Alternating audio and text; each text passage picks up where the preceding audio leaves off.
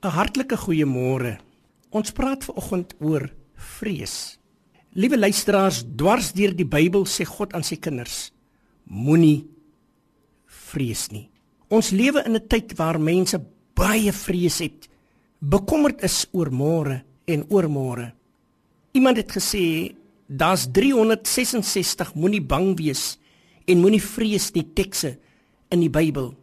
Een vir elke dag van die jaar en ook vir die ekstra dag van skrikkeljaar, maar ook vir vandag wil die Here vir iemand sê moenie bang wees nie. Aan die Israeliete voor die Rooi See sê hy moenie bang wees nie, staan vas. Kyk hoe die Here vandag vir julle gaan red.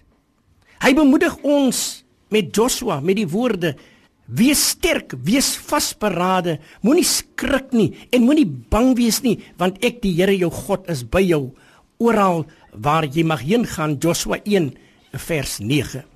Miskien voel jy vandag bang om werk toe te gaan. Jy voel bang om na jou besigheid te stap. Jy voel bang om vandag uit te gaan.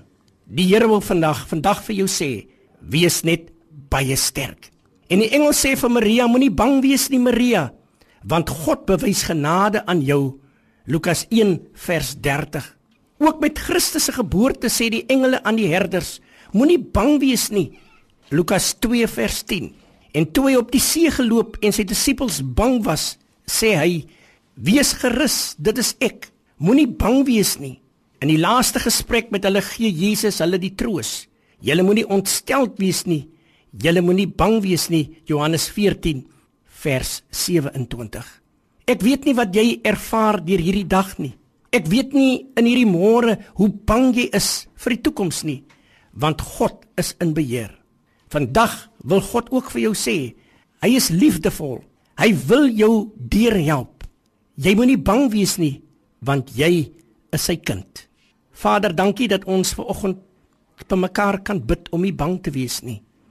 En dankie Here dat U elkeen van ons vandag beskerm en lei ons kinders en ons families.